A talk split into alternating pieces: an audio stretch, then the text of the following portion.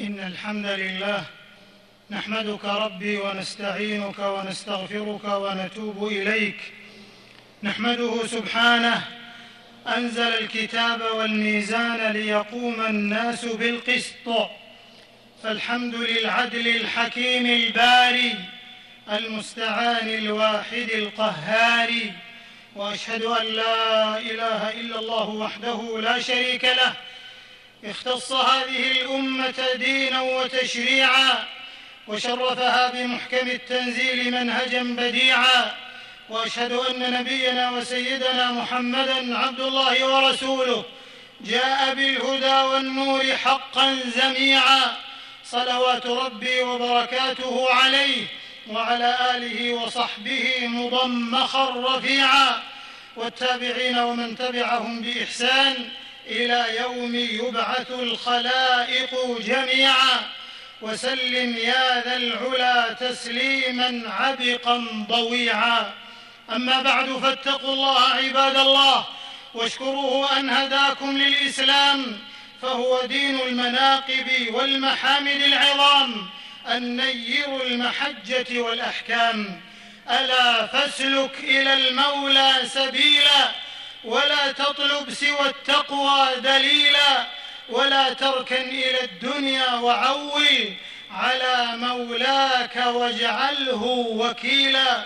معاشر المسلمين من ترأرأت بصيرته نحو مقاصد الشريعة الغراء علما واحتجاجا عملا وانتهاجا وتعرفا لحكمها وأسرارها ومراميها وآثارها أدرك أنها بديعة في حقائقها منيعة في دقائقها مواكبة لأحداث العصور ومستجدات النوازل والقضايا في جميع الأزمان والدهور.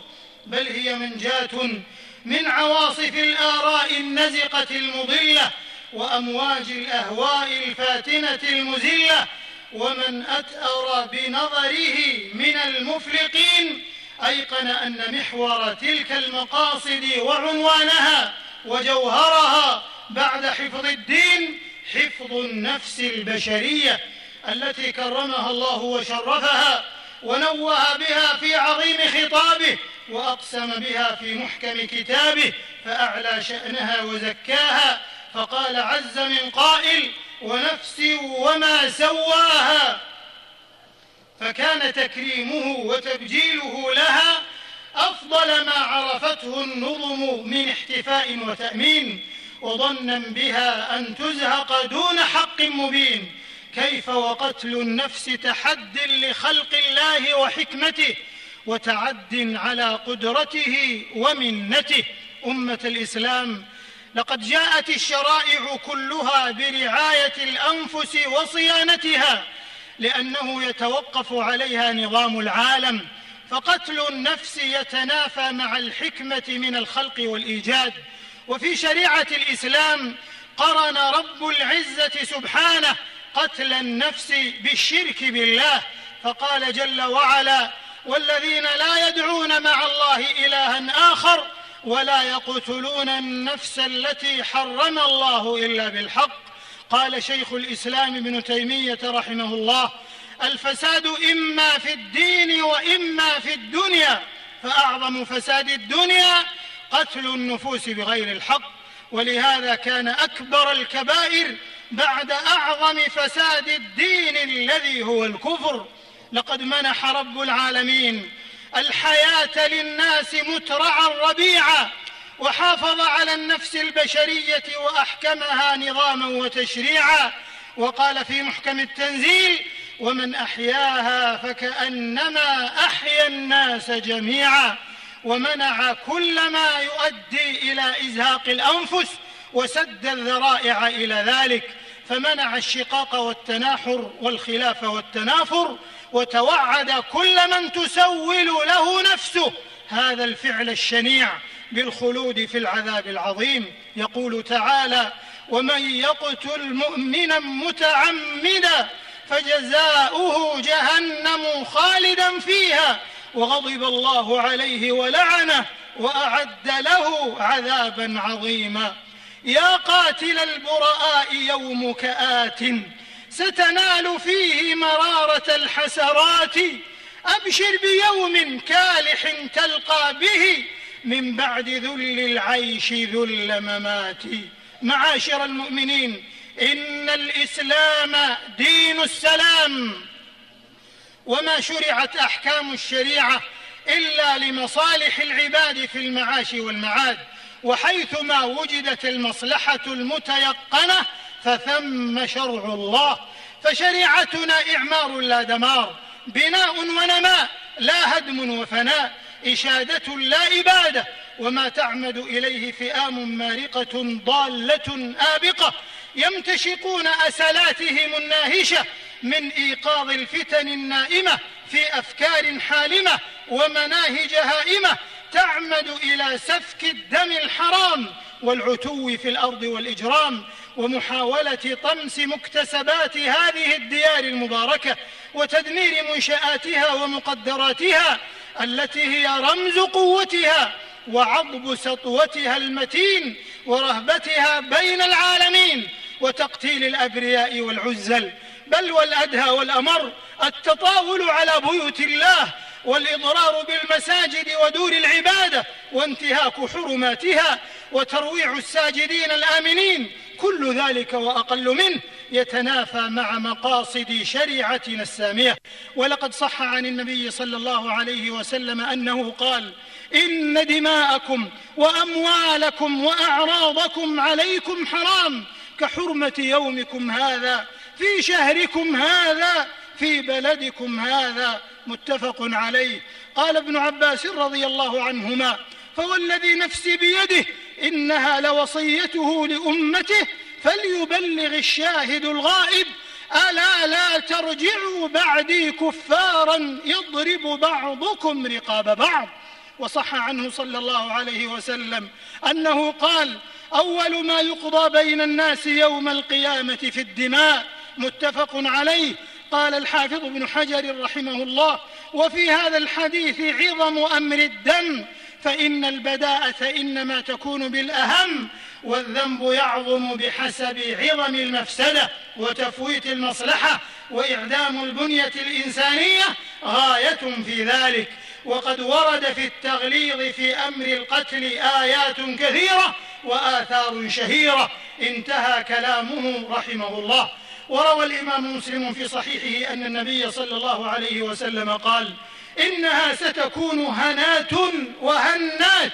فمن أراد أن يفرق أمر هذه الأمة وهي جميع فاضربوه بالسيف كائنا من كان. فهذا هو العدل والإنصاف.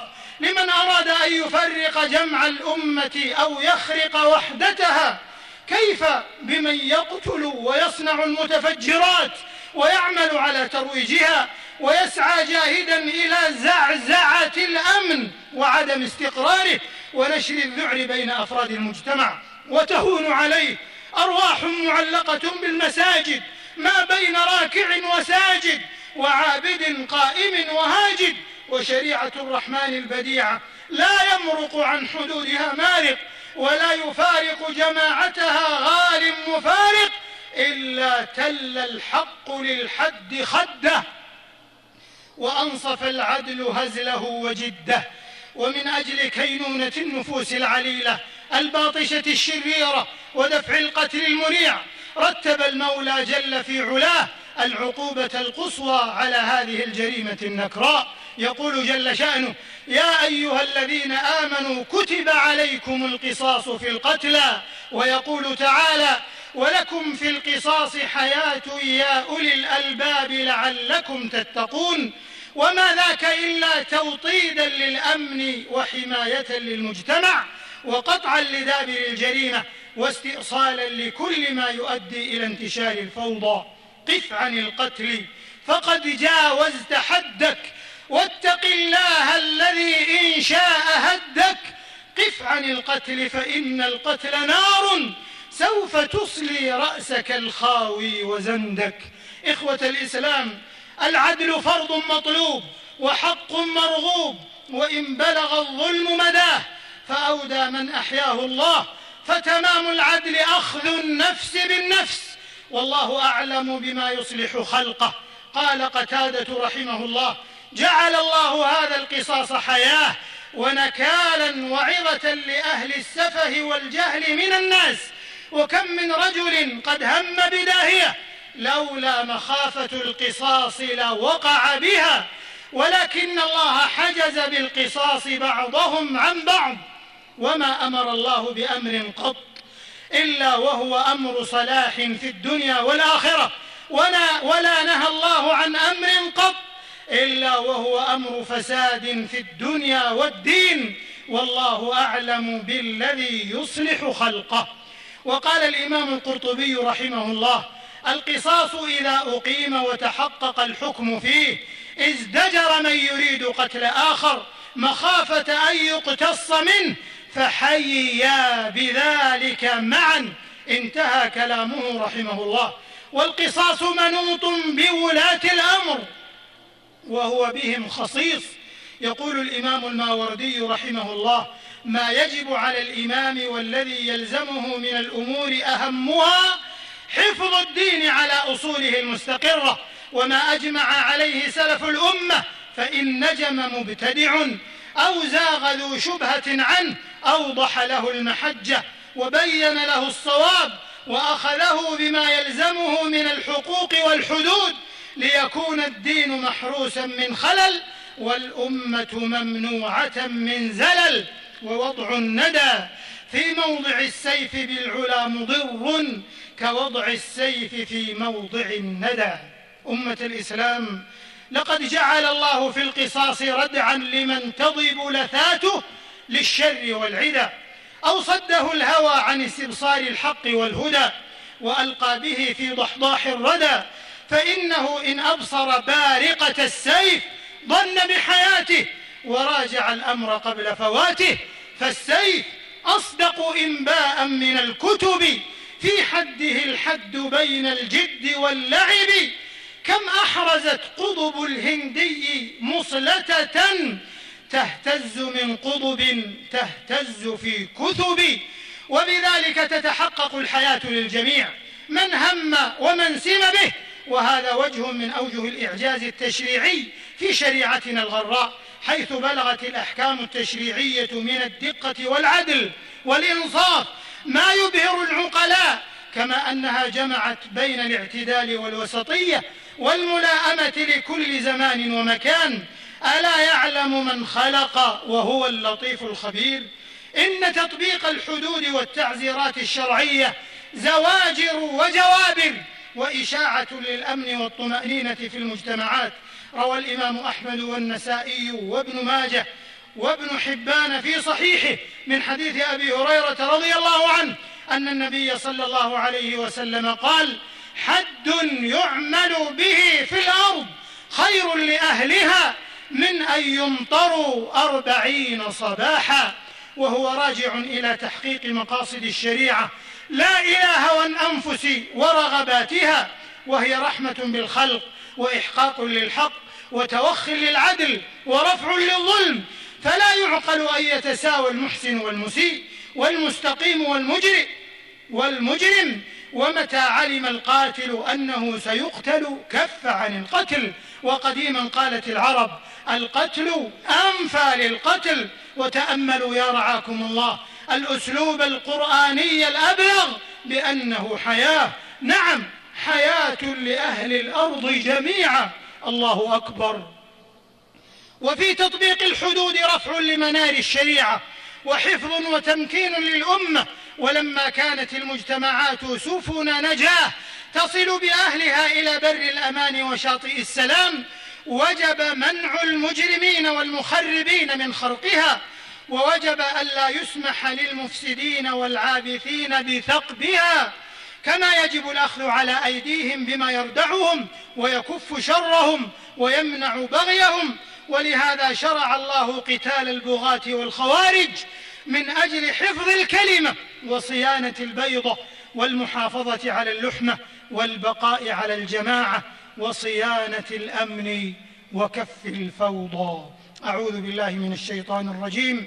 إنما جزاء الذين يحاربون الله ورسوله ويسعون في الأرض فسادا أن يقتلوا أو يصلبوا أو تقطع أيديهم وأرجلهم من خلاف أو ينفوا من الأرض ذلك لهم خزي في الدنيا ولهم في الآخرة عذاب عظيم.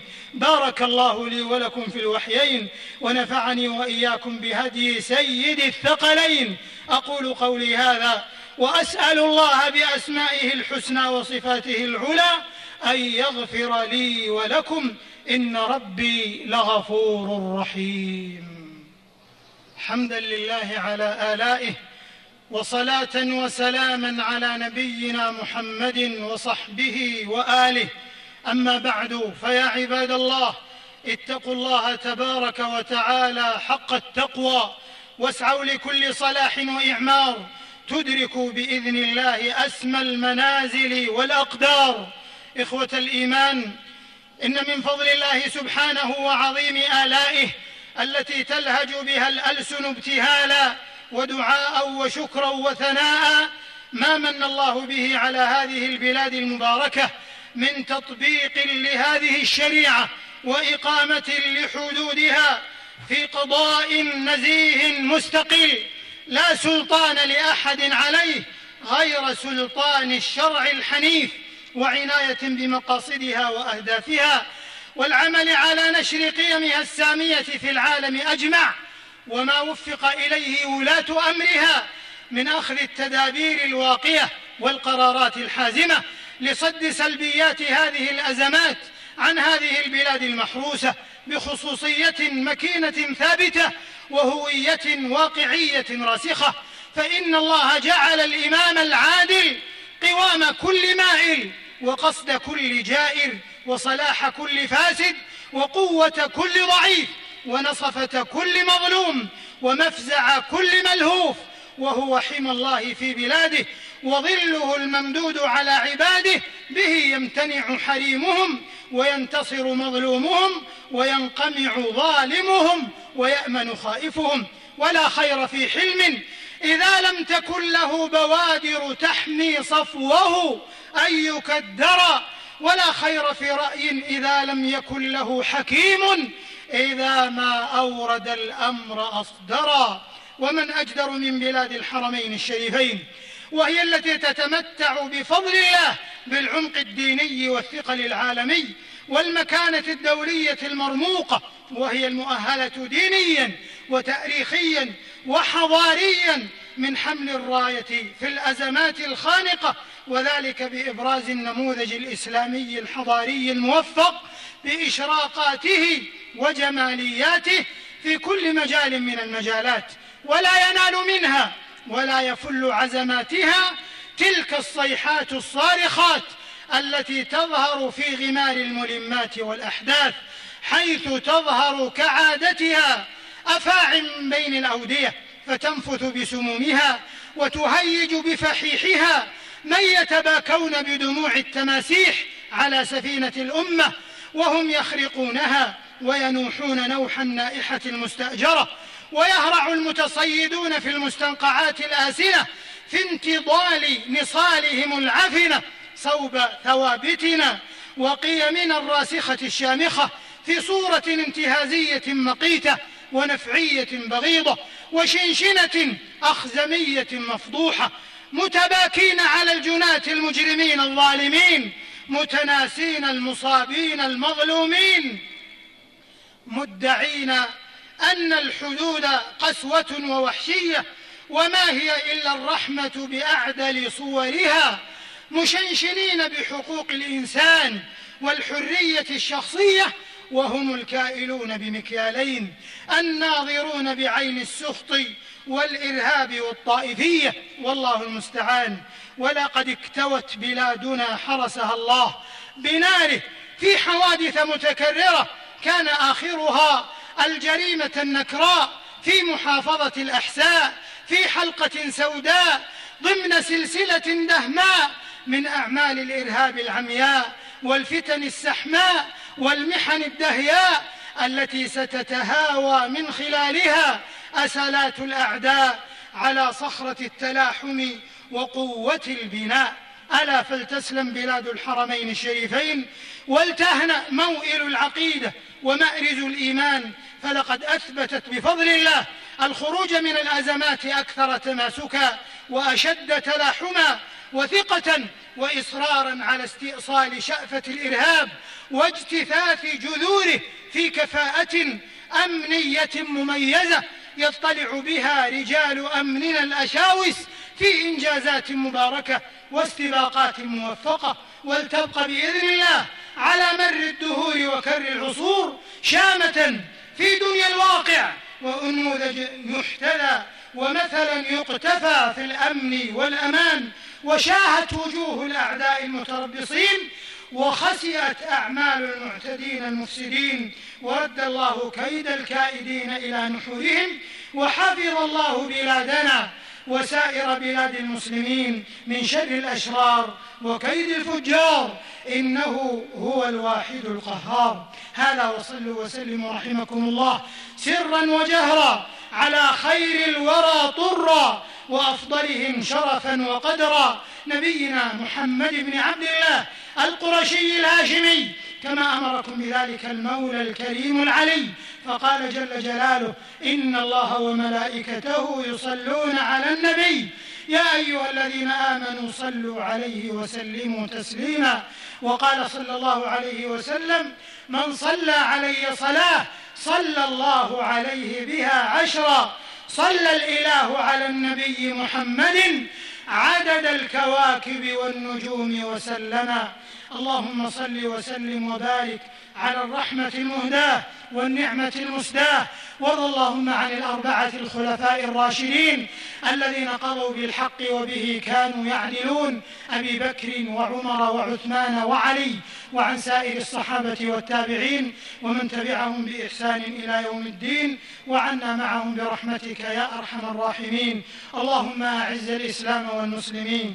اللهم أعز الإسلام والمسلمين. وأذل الشرك والمشركين. ودمر أعداء الدين. واجعل هذا البلد آمنا مطمئنا وسائر بلاد المسلمين. اللهم آمنا في أوطاننا. اللهم آمنا في أوطاننا. وأصلح أئمتنا وولاة أمورنا.